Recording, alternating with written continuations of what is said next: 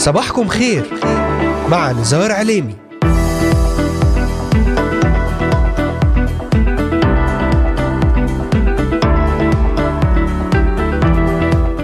أهلا وسهلا بجميع مستمعات ومستمعي إذاعة صوت الأمل وبجميع الذين انضموا الآن لبرنامج صباحكم خير. اليوم الثلاثاء الثاني والعشرين من شهر نوفمبر تشرين الثاني للعام 2022 أهلا وسهلا بكم في إذاعتكم صوت الأمل. يوم جديد وأسبوع مبارك على الجميع. معكم على الهواء مباشرة نزار عليمي. أهلا وسهلا بكم. أرحب بمستمعينا من الأراضي المقدسة ومن بلدان الشرق الأوسط وشمال أفريقيا من سوريا لبنان مصر تركيا الأردن والعراق ليبيا اليمن السعودية والكويت من أستراليا أمريكا ألمانيا كندا والسويد والذين يتواصلون معنا ويتابعوننا على مختلف منصاتنا الاجتماعية لإذاعة صوت الأمل.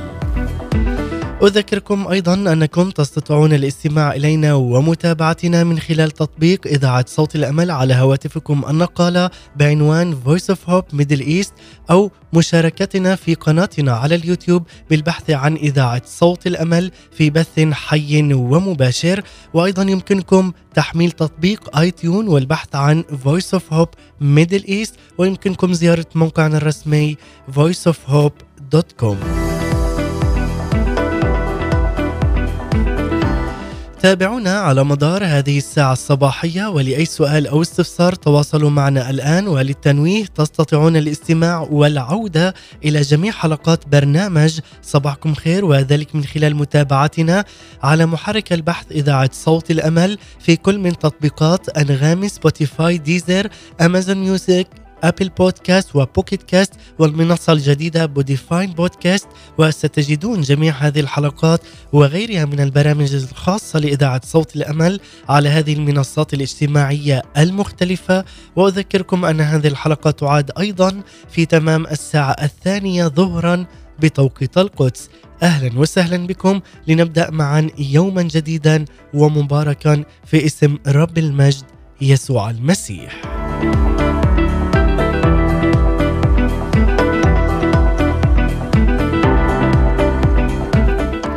في الحياة نصادف دعوات كثيرة موجهة لكل واحد منا. دعوة للعشاء للزفاف دعوة للصداقة للحب دعوة للعمل والعديد من هذه الدعوات ربما تكون مفرحة أو محزنة بعض الشيء. وهناك أيضا دعوة ورسالة في كل عمل نقوم به في الحياة. لكن هنالك دعوة خاصة وشخصية لكل واحد منا. دعوة من الذي أحبنا وفدانا وخلصنا. دعوة من الذي قدم لنا الحب والرحمة والحياة الأفضل. دعوة شخصية من رب المجد. يسوع المسيح. لنعلم أن هنالك دعوة موجهة من المسيح لكل شخص بصورة مباشرة أو حتى غير مباشرة. ومن المعروف في الواقع العملي المعاش أن الإنسان يضل طريقه حينما لا تكون غايته حاضره أمام ذهنه دائما وعينه غير مثبتة على نهاية الطريق.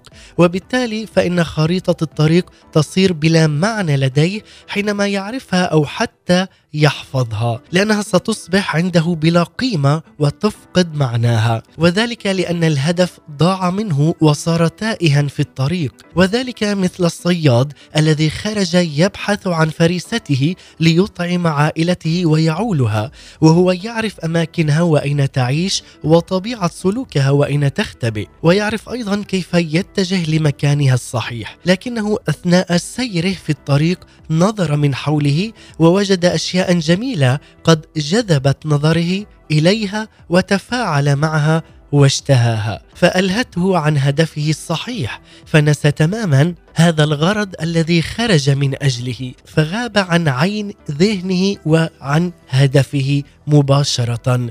وبعد أن قضى الوقت في الانغماس في هذه الأشياء قد نسى تماما ما يريد منذ البداية وأصبحت شغله الشاغل الوحيد حتى أنه لم يعد إلى بيته.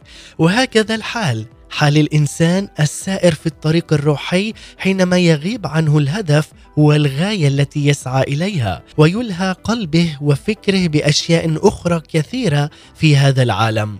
فإنه لا يرى شيئا حقيقيا من الإعلانات الإلهية ولذلك هذه الواقعة واقعة المعاش لحياتنا إذ أنه غافلا عنها تماما غير منتبها إليها بسبب انشغالاته بل وقد تفقد في النهاية قيمتها عنده. فينتهي به الحال للتيه والتغرب عن مسيح القيامة ورب الحياة. حتى أنه لا يصدق فعلا انه هو الله هو امس واليوم وإلى الأبد. وبالتالي فيصبح لا يرى كلمة الله الحية والفعالة والتي كانت تعمل في حياته كزرع الله الخاص الذي يثمر في أوانه. لذلك فيصبح لا يصدقها من جهة عملها في حياته على المستوى الشخصي وبالرغم من أنه يصدق أنها عملت أيضا في الآباء والرسل والقديسين لكنه على مستواه الخاص لا يصدقها ولا يصدق أنها ستعمل فيه هو شخصيا على نحو شخصي ومميز لتجعله قدسا للرب وغرسه الخاص يكون للتمجيد. لذلك أحبائي علينا أن لا ننسى أننا دعينا للمجد والكمال كما قال رب المجد يسوع المسيح لأجعل لنائحي صهيون لأعطيهم جمالا عوضا عن الرماد ودهن فرح عوضا عن النوح ورداء تسبيح عوضا عن الروح اليائسة فيدعون أشجار البر غرس الرب للتمجيد فاقبلوا بوداعة الكلمة المغروسة القادرة أن تخلص نفوسكم. بعد هذه المقدمة لكم أحباء المستمعين والمتابعين نتحدث اليوم برسالتنا الجديدة حول موضوع دعوة إلهية من البرية إلى الأمجاد السماوية. اصعد إلى هنا. واليوم مع فريق الشباب في قصر الدبارة في مصر أسمعك تدعوني. أريد هو يريدك أنت عز المستمع. يريد أن يتحدث معك. فمن إلى فم؟ فمن إلى فم ووجها إلى وجه. تعال اليوم بكل ثقة ويقين. أن إلهك هو الذي يسمع وهو الذي يستجيب. هذه دعوة شخصية مباركة من الآب. إليك عز المستمع وإليك عزتي المستمعة. لأننا نحن أبناء الرب يسوع المسيح. نحن أبناء الملكوت. أبناء يسوع المسيح له كل المجد. لنسمع ونستمتع هذه الترنيمة ونعود لنبدأ معا حول دعوة إلهية من البرية إلى الأمجاد السماوية. كنت قد وجدت نعمة في عينيك. أرني وجهك أرني مجدك. إن كنت قد وجدت نعمة في عينيك.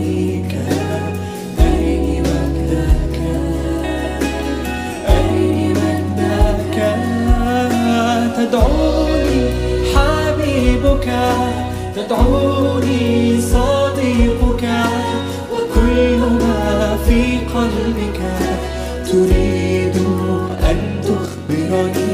تدعوني حبيبك تدعوني صديقك وكل ما في قلبك.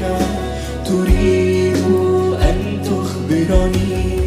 لست بعد عبدا بل صرت ابنا واحدا معك وارثا كل شيء. أنا لست بعد عبدا بل صرت ابنا واحدا معك وارثا كل شيء. تدعوني حبيبك تدعوني صديقك وكل ما في قلبك تريد أن تخبرني. تدعوني حبيبك تدعوني صديقك وكل ما في قلبك تريد أن تخبرني.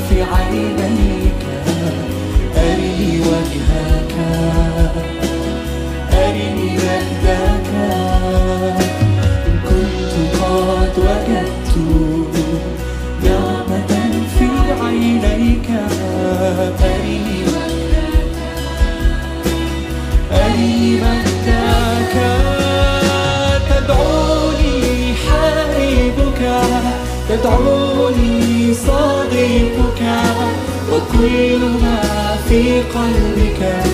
تريد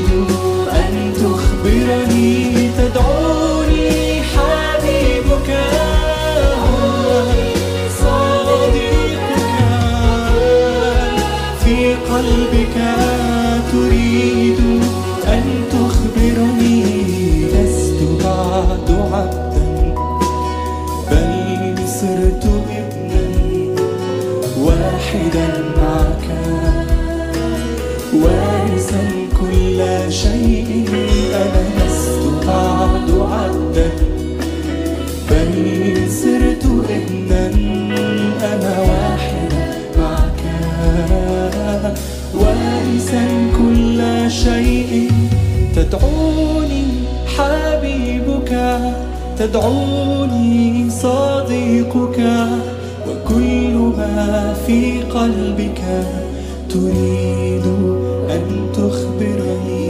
تدعوني حبيبك صديقك في قلبك.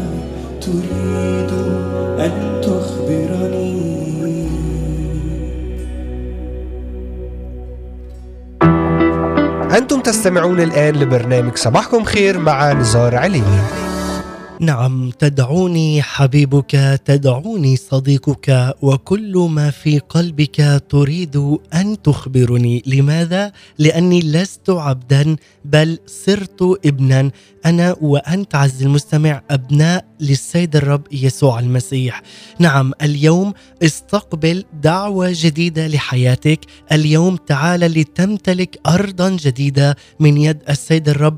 لحياتك عز المستمع عليك أن تؤمن وتثق بقوة وقدرة وسلطان الله على حياتك لأنك أنت وارث كل شيء بالمسيح يسوع.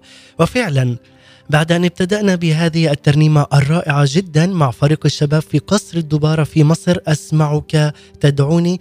اليوم نتحدث وإياكم أحبائي حول موضوع جدا هام حول دعوة إلهية من البرية إلى الأمجاد. السماوية.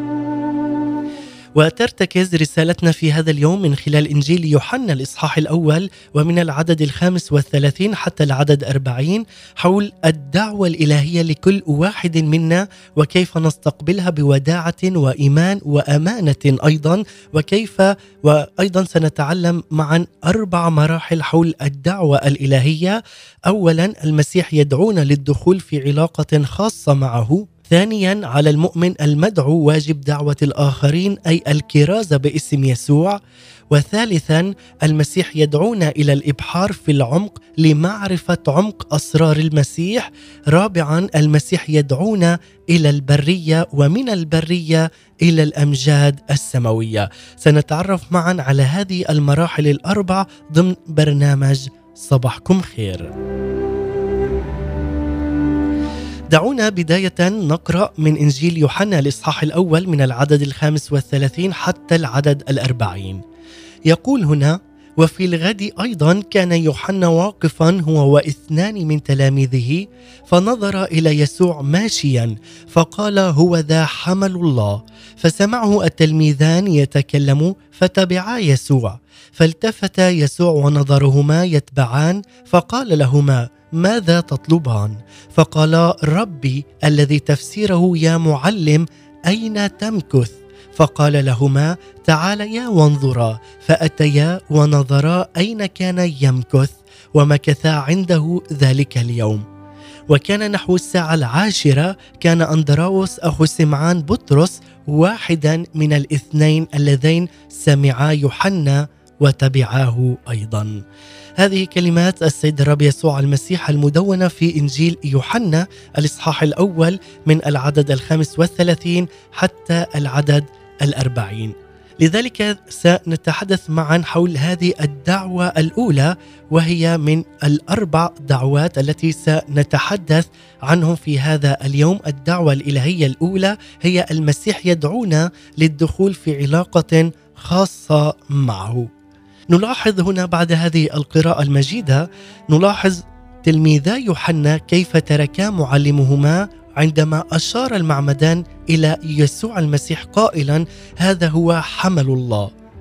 ما الذي نلمسه من موقف يوحنا المعمدان هنا؟ إنه تواضع كلي وتمييز عميق إلى أن دوره قد انتهى هو قد هيأ الطريق وأدى شهادة الحق لمن هو الطريق والحق والحياة أي يسوع المسيح. أما التلميذان اتخذا موقف يدل على نضج, نضج روحي خالي من أي تعليق عاطفي بمعلميهما مركزين على الهدف من تعليمهم ألا وهو الالتقاء بالسيد الرب يسوع المسيح المنتظر واثقين بشهادة معلميهما. وهنا ينتبه يسوع وهما يتبعان فيلتفت إليهما ويسألهما ماذا تريدان؟ ألا يعلم حقا ما يريدان؟ بلى هو قد يعلم كل شيء. إنما يعلم جيدا ماذا يريدان لكنه يريد أن ينقي دوافعهما وذلك من خلال مواجهتهم لأنفسهم. هل فعلا نتبع المسيح نحن حقا لكي ننال الخلاص ممجدين اسمه في كل مكان وفي كل زمان أم نريد فقط راحتنا ومصالحنا أو إثبات وجودنا في هذا العالم؟ الغريب هنا أن التلميذان يجيبان السؤال بسؤال أين تقيم؟ لأنهما لا يعرفان حقا ما الذي يريدانه. لكن لهما رغبة صادقة في المغامرة والسعي حيث يقيم يسوع المسيح ليقتربا منه أكثر وأكثر. وأنا أدعوك اليوم كهذه الدعوة أن تقترب من السيد الرب يسوع المسيح أكثر وأكثر لكي تعرفه شخصيا. لكي تتحدث معه فما إلى فم ووجها إلى وجه. لذلك هذا هو المسيح الذي يدعونا لكي ندخل من جديد في علاقة خاصة وجديدة معه في كل يوم أن تبدأ معه في كل صباح. لذلك هنا أجابهما يسوع المسيح جوابا حديا وحاسما. وببالغ الحكمة قال لهم لهما تعالا وانظرا. وهذا يعني اختبر ثم قرر بكامل وعيك وبحرية تامة هل تتبع يسوع أم لا. وهذا أيضا ينطبق على حياتنا الشخصية. نختبر ثم نقرر بكامل وعينا الكامل وبحرية تامة هل فعلا نريد أن نتبع ذاك الملك؟ هل نريد أن نتبع ذاك المعلم؟ هل نتبع فعلا ذاك الإله الذي خلصنا أم لا؟ لذلك سألهم أترى أين يقيم؟ مكان إقامته ليس مكانا محددا ليشير هنا إليه إن محل إقامته هو مطلق غير خاضع لمقاييس الزمان أو حتى المكان فهو رب المجد رب الوجود في كل مكان. يقيم في حضن الله الآب أمس واليوم وإلى الأبد. نعم مقام مكان إقامته يعني الدخول معه في علاقة جديدة في علاقة منفردة ومتميزة. كونك أنت قد دعيت لكي تكون ابنا ووارثا في المسيح في كل شيء.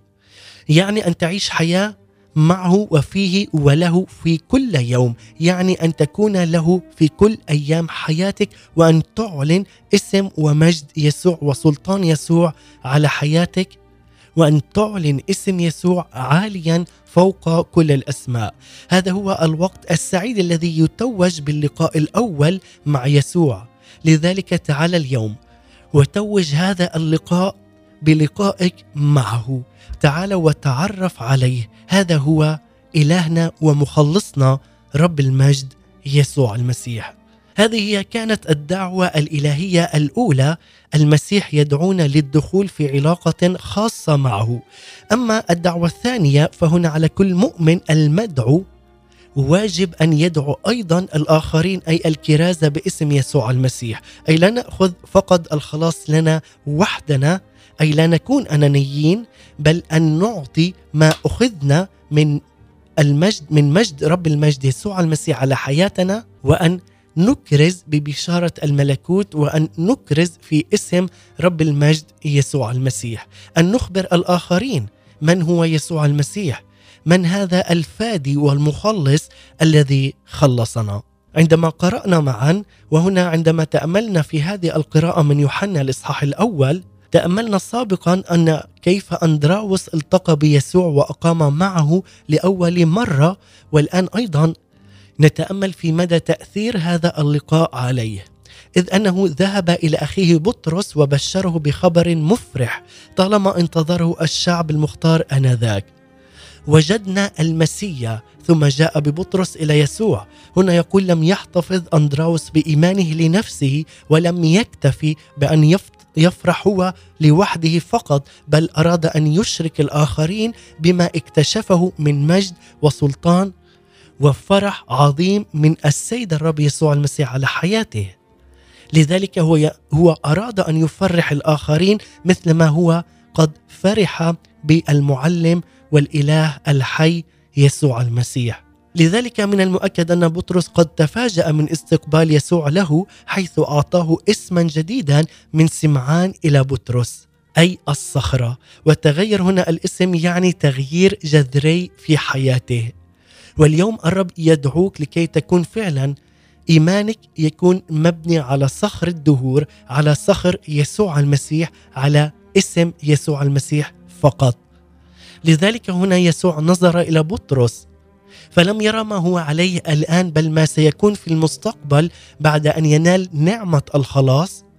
لهذا قد منحه رسالة جديدة من خلال تغيير الاسم إذ يذكر في متى هنا الإصحاح السادس حتى العدد الثامن عشر. يقول أنت الصخر وعلى هذا الصخر أبني كنيستي وأبواب الجحيم لن تقوى عليها. هذا هو مجد الله على حياتنا أن يدعونا وأن يكرسنا وأن يرفعنا عاليا. ويقول فعلا هذه الكلمات لكل واحد فينا. ونحن نعلن أن أبواب الجحيم لن تقوى على كنيستنا ولن تقوى على إيماننا لأننا نحن نؤمن بالسيد الرب يسوع المسيح إله أمس واليوم وإلى الأبد.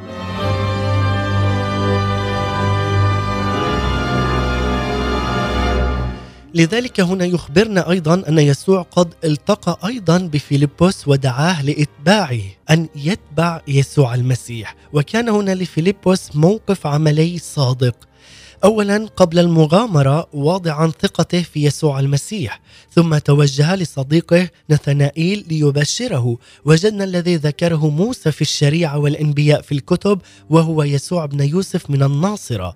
اهتم هنا فيلبس بأن يكون مقنعا فأعطى مؤشرات وتفاصيل محددة عن شخصية يسوع المسيح وهي نابعة من معرفته بالكتب واقتناعه بالإيمان بإيمانه بيسوع المسيح. هنا لم يقل فيلبس وجدت بل وجدنا. هذا يعني أن هناك آخرين كان يقصد أندراوس وأيضا بطرس حيث أنهم الثلاثة من بيت صيدا. وبالرغم هنا من جهود فيلبس إلا أن ردة فعل نثنائيل كانت حاسمة. أيخرج من شيء من الناصرة؟ أيخرج شيء صالح من الناصرة؟ ومع ذلك لم ييأس فيلبس ووضعه أمام الأمر الواقع. قال له تعال وانظر إنه نفس جواب يسوع المسيح لتلميذي يوحنا المعمدان. فعلا وضعه فيلبس أمام الأمر الواقع فإن كنت تنتظر المسيح المخلص عز المستمع فابذل جهودا للبحث عنه. هناك الكتاب المقدس. تعال وابدأ واقرأ وافتح ليعطيك الرب أن تفتح عينيك وأن تفتح قلبك لهذه الكلمات وتعلن مجد السيد الرب على حياتك. تعال انظر واختبر ثم احكم بنفسك إن كان هو الرب أم لا. تعال اليوم واعلن أن يسوع المسيح هو ملك الملوك ورب الأرباب. عندما تقرأ ستعلم جيدا أن يسوع المسيح هو الملك وهو المخلص الوحيد لحياتك. لأن يسوع المسيح هو رجاءنا هو مخلصنا هو الحياة لأنه هو رب القيامة والحياة. لأن كلمات يسوع هنا تلمس القلوب وتلمس قلبك الآن كما لمست قلب نثنائيل في الحال. إذ وصفه يسوع إسرائيلي خالص لا غش فيه أي أنه فعلا إنسان ملتزم وأمين لمبادئه الدينية. لذلك هنا اندهش نثنائيل من يسوع الذي يعرف نواياه الصادقة وشعر بنظرة الحب نظرة يسوع الفاحصة للقلوب ومختبر الكلى. تعال اليوم واعلن أن يسوع المسيح هو الملك. اعلن أن يسوع المسيح هو المعلم. اعلن أن يسوع المسيح هو الأبرع جمال من كل بني البشر. تعال واعلن وهذه الكلمات سترون السماء مفتوحة وملائكة الله صاعدين نازلين على ابن الله وهي اليوم أيضا صاعدة ونازلة لتخدم أبناء الله المباركين المؤمنين والذين فعلا يزرعون كلمة الرب بكل حق وإيمان. لذلك على كل مؤمن مدعو واجب دعوة الآخرين والكرازة في اسم رب المجد يسوع المسيح.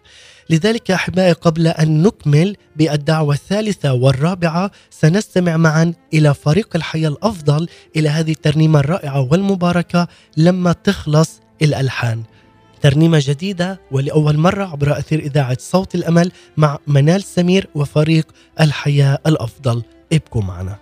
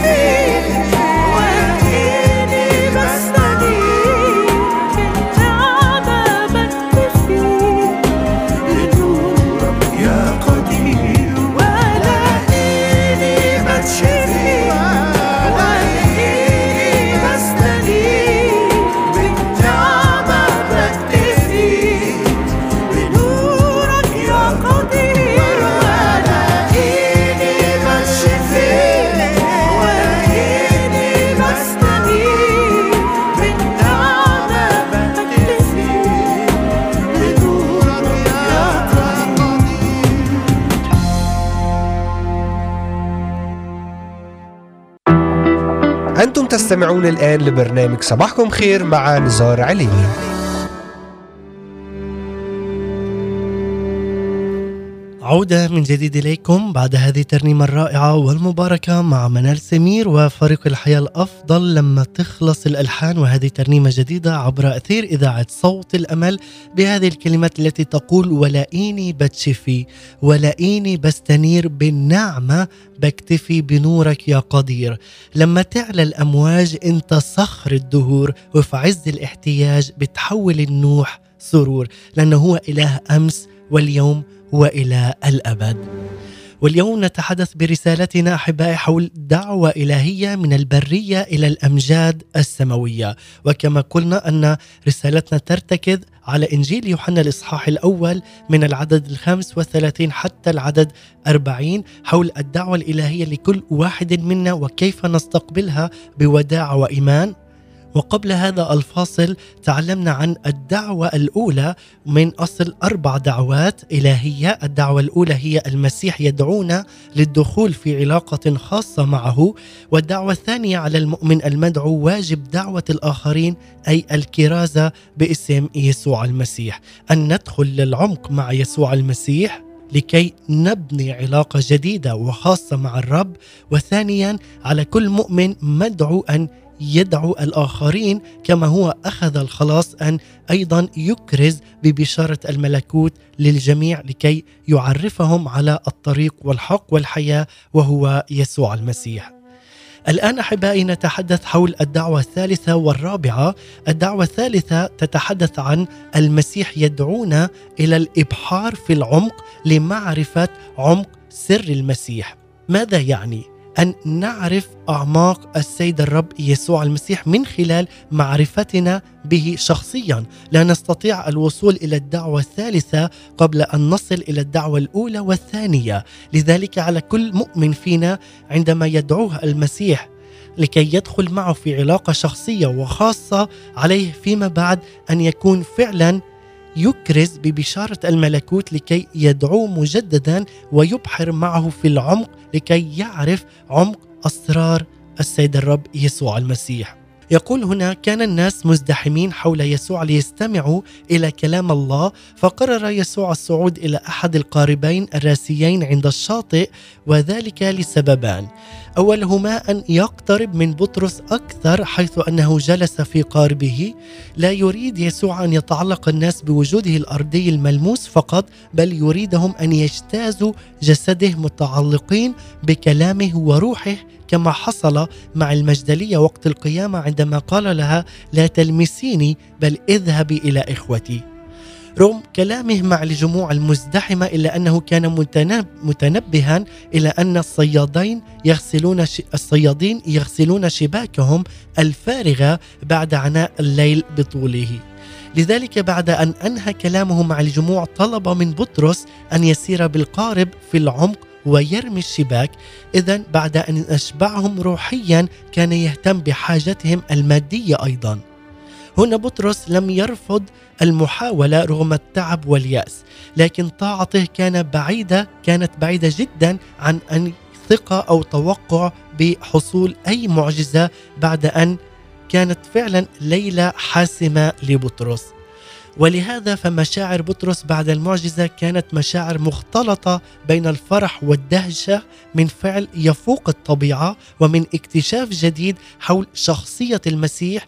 لذلك قد دخل هنا بطرس إلى عمق جديد لمعرفة سر جديد عن شخصية المسيح وهو الإله. وفورا وقع عند ركبتي يسوع قائلا ابتعد عني يا سيد إني رجل خاطئ. هنا بطرس اكتشف ذاته عندما اكتشف قدرة المسيح الألوهية على عمل المعجزة معترفا بكون بطرس هو رجل خاطئ فهو غير مستحق أن يكون قرب المعلم البار الصالح الإله الحكيم. يسوع هنا شجع بطرس مبنيا له ثقته الكبيرة في أنه سيكون بعد اليوم صياد للناس أي صياد بشر. لذلك الكثير من الأحيان التي نشعر فيها باليأس يدعون المسيح للابحار في العمق وعندها تحدث تلك المعجزة الجديدة في حياتنا. فنتعرف أكثر وأكثر إلى السيد الرب يسوع المسيح. وفي نفس الوقت نكتشف سر نفوسنا الضعيفة والخاطئة وهي بعيدة عن يسوع المسيح. لذلك كلما اقتربت إلى المسيح كلما تعمقت في سر الرب يسوع المسيح وعرفت أكثر عنه. ولكن كلما ابتعدت عنه ستصبح بعيدا كل البعد عن معرفة شخصية يسوع المسيح وعن ما يستطيع أن يفعله في حياتك. هو الذي يغير كل شيء إلى الخير عندما تعلن مجد واسم يسوع على حياتك على بيتك على أولادك على مصلحتك على وظيفتك على شغلك على كل شيء تعلن به اسم يسوع سيكون ناجحا ومباركا. لذلك يقول لنا هنا أخيرا إن كل ما نقوم به من أعمال متكلين فيها على أنفسنا تكون فاشلة وغير نافعة. أما إذ نقوم ونحن متكلين كامل الاتكال على كلمة المسيح وعلى إرشاد المسيح تكون أعمالنا مثمرة وتصل إلى حد المعجزات أحيانا لذلك آمن بقوة وقدرة يسوع المسيح وبعمق سر المسيح لكي فعلا تصبح أنت أيضا صيادا للناس كما كان بطرس لذلك أنت أيضا قد تعمل المعجزات كما عملها يسوع المسيح من خلال قوة يسوع المسيح التي فيك والعاملة من خلالك من خلال قوة وعمل الروح القدس. لماذا؟ لأنك أنت ابن وأنت ابنة محبوبة على قلب السيد الرب يسوع المسيح. يريد اليوم أن يعطيك رفعة جديدة يعطيك مجد جديد ونصرة من جديد في حياتك. تعال اليوم وتعالي اليوم ولنستقبل معا هذه الرفعة المباركة الجديدة. لنستقبل هذا المجد الجديد على حياتنا وفعلا أن ننتقل من البرية إلى الأمجاد السما- السماوية لنأخذ مجد جديد ومجد مبارك ومضاعف من خلال أبينا الحي يسوع المسيح. هذا هو إلهنا الحي الذي هو إله أمس واليوم وإلى الأبد. هذه بالنسبة للدعوة الثالثة. المسيح يدعونا للإبحار في العمق لكي نعرف عمق سر المسيح. أما الدعوة الرابعة والأخيرة فهي المسيح يدعونا إلى البرية لكي فعلا نكون فيما بعد وننتقل للأمجاد السماوية بمجد جديد وأرض جديدة وأن نمتلك هذه الأرض بقوة وسلطان يسوع المسيح. ماذا يعني هذا؟ سنتحدث عن هذا الأمر ولكن بعد أن نستمع إلى مقطع قصير من هذه الترنيمة الرائعة سنستمع إلى ترنيمة جدا مباركة ومن ثم نعود في ضيقي دعوتك يا ربي مع فريق الحياة الأفضل. نسمع مقطع قصير ومن ثم نختتم بالدعوه الرابعة في هذا اليوم. ابقوا معنا. في ضيقي دعوتك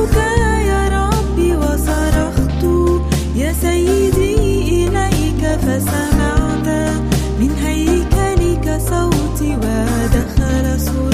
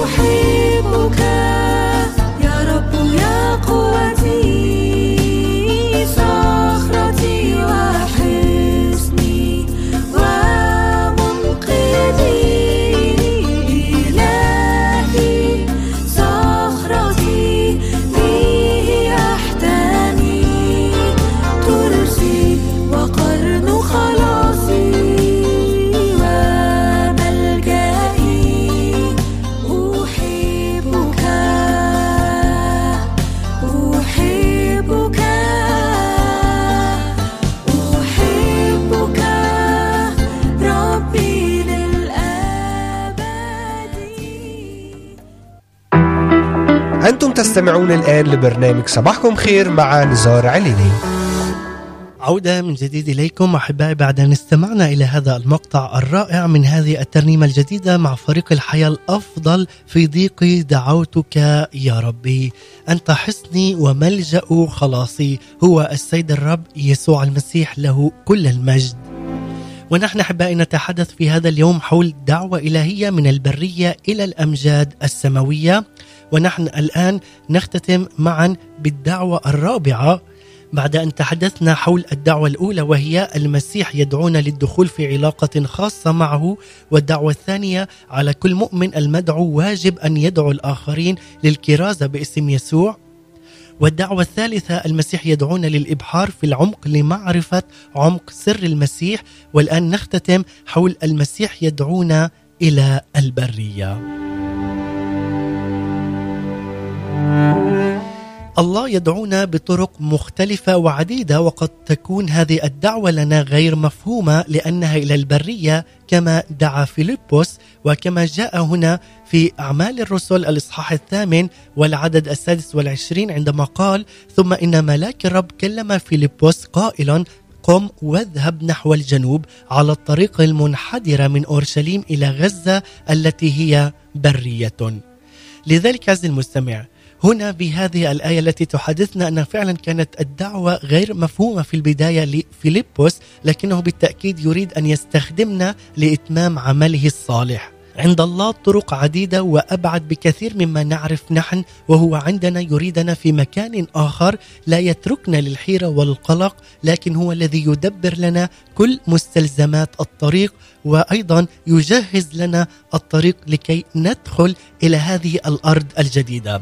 فلا داعي للخوف من كوننا وحدنا لأنه هو معنا هو فاتح الطريق هو الذي يفتح لنا الطريق الذي يريده لنا وهو الذي أيضا في نفس الوقت يقدم لنا المساعدة.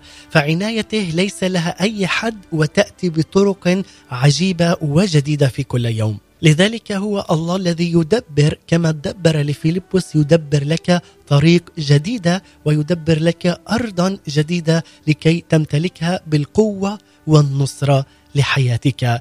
الله يدبر لفيلبس الخلاص بأن أخرجه من السامرة وبنفس الوقت دبر أيضا للحبشي الخلاص على يد فيلبس بأن فتح عينه على يسوع والحق الإلهي. فالله يستخدمنا الواحد تجاه الآخر لإتمام خلاصه. لذلك أحبائي عندما نقرأ في هذا النص من أعمال الرسل الإصحاح الثامن من العدد السادس والعشرين حتى الأربعين وبما أننا سننتهي بعد قليل وليس هنالك مجال كاف للوقت للقراءة هنا علينا أن نقرأ أيضا وأن نتابع بهذه القراءة ومن خلال هذا النص كلم ملاك الرب فيلبس ويقول لنا كيف يكلمنا الرب عن طريق الملاك أيضا. الرب يكلمنا بطرق مختلفة لأن الكتاب المقدس أو عن طريق أحد المؤمنين أو لربما عن طريق وعظة في كنيسة أو عن طريق ترانيم. لذلك عليك أن تفهم أن ذلك يكون لقلوب المنفتحة. لذلك عليك أن تسلم حياتك بالكامل للسيد الرب يسوع المسيح لكي تستطيع فعلا أن تفرق بين طريق الرب يسوع المسيح وطريق العالم. أن نسلم ذواتنا للسيد الرب يسوع المسيح وأن نسمح له بالكامل أن يعمل ويغير في داخلنا بقوة وعمل الروح القدس. الله متكلم عظيم وليس ساكت لكن أحيانا نحن لا نسمعه بسبب الضجة التي من حولنا وبسبب أمور العالم التي تلهينا عن مسير الرب يسوع المسيح. لذلك الخلل يكون فينا نتيجة انشغالاتنا واهتماماتنا اليومية. هو يعمل باستمرار لا يتوقف ابدا. حتى لو أحسسنا في بعض الأحيان أنه بعيد ولا يعمل شيء لأجلنا فعليك أن تعلن مجد الرب يسوع المسيح على جميع الأصعدة. فالانفتاح والتسليم يجعلاننا نشعر بعمل الله ويشعرنا ويجعلنا فعلا قادرين على السماع كلمة الله من خلال الأحداث التي تكون من حولنا. لذلك عليك أن تصغي جيدا عز المستمع وتعلن اسم يسوع المسيح في كل الأرض.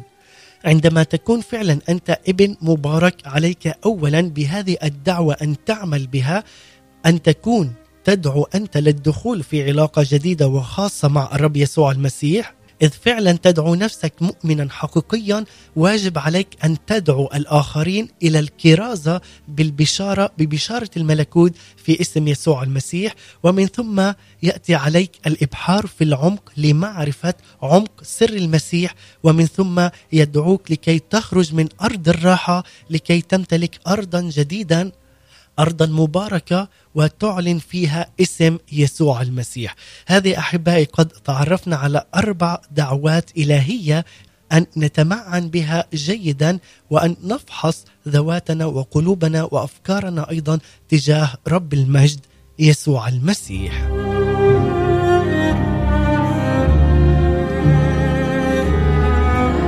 لذلك عزيزي المستمع قال الرسول بولس إن الله قد اختارنا وبهذه الكلمات أختتم معكم فالخلاص يتوقف تماما على الله وحده فنحن مخلصين لا لأننا نحن نستحق هذا الخلاص بل لأن الله منعم عظيم وكريم جدا يعطي الخلاص مجانا ونحن لم نؤثر في قرار الله بخلاصنا فقد صنع ذلك بناء على مقاصده هو فالأفضل لنا اطلاقا في خلاصنا ومن الصعب أن ندرك فعلا كيف أن الله يقبلنا لكنه هو الذي اختارنا لنصبح ملكوت وكهنة في المسيح يسوع ونصبح أبناء للملكوت أبناء وورثة حقيقيين له ومنه كل المجد لنعلن أننا أولاد يسوع المسيح من الآن وإلى الأبد. أتمنى فعلا أحبائي قد فهمنا في هذا اليوم حول هذه الدعوة الإلهية لكل واحد منا وأن ننتقل فعلا من البرية إلى الأمجاد السماوية لكي نمتلك ارضا جديدة ارضا خصبة ومباركة لنعلن فيها مجد السيد الرب يسوع المسيح على حياتنا. وكما عودناكم وقبل الختام ننتقل إلى فقرة ثابتة والتي تبث لكم كل يوم ثلاثاء ضمن برنامجنا صباحكم خير وهي فقرة همسات من الملكوت من إعداد وتقديم الزميل العراقي ليث مقاطسي نستمع إلى هذه الهمسة ونختتم بترنيمة ندعوك ملكا ابقوا معنا.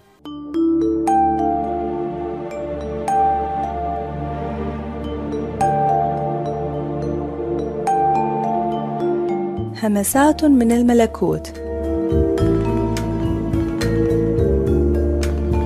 صرخت إلى الصباح. كالأسد هكذا يهشم جميع عظامي. النهار والليل تفنيني. كسنونة مزقزقة هكذا أصيح. أهدر كحمامة. قد ضعفت عيناي ناظرة إلى العلاء. يا رب قد تضايقت كن لي ضامنا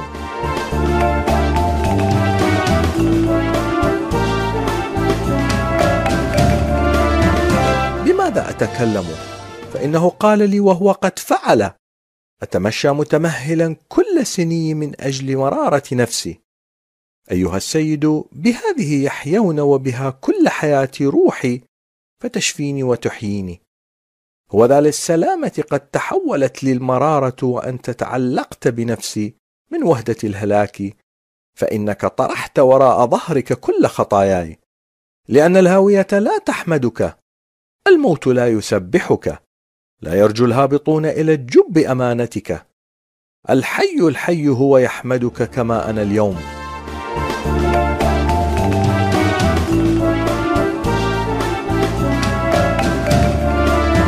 الآب يعرف البنين حقك. الرب لخلاصي. فنعزف بأوتارنا كل أيام حياتنا في بيت الرب.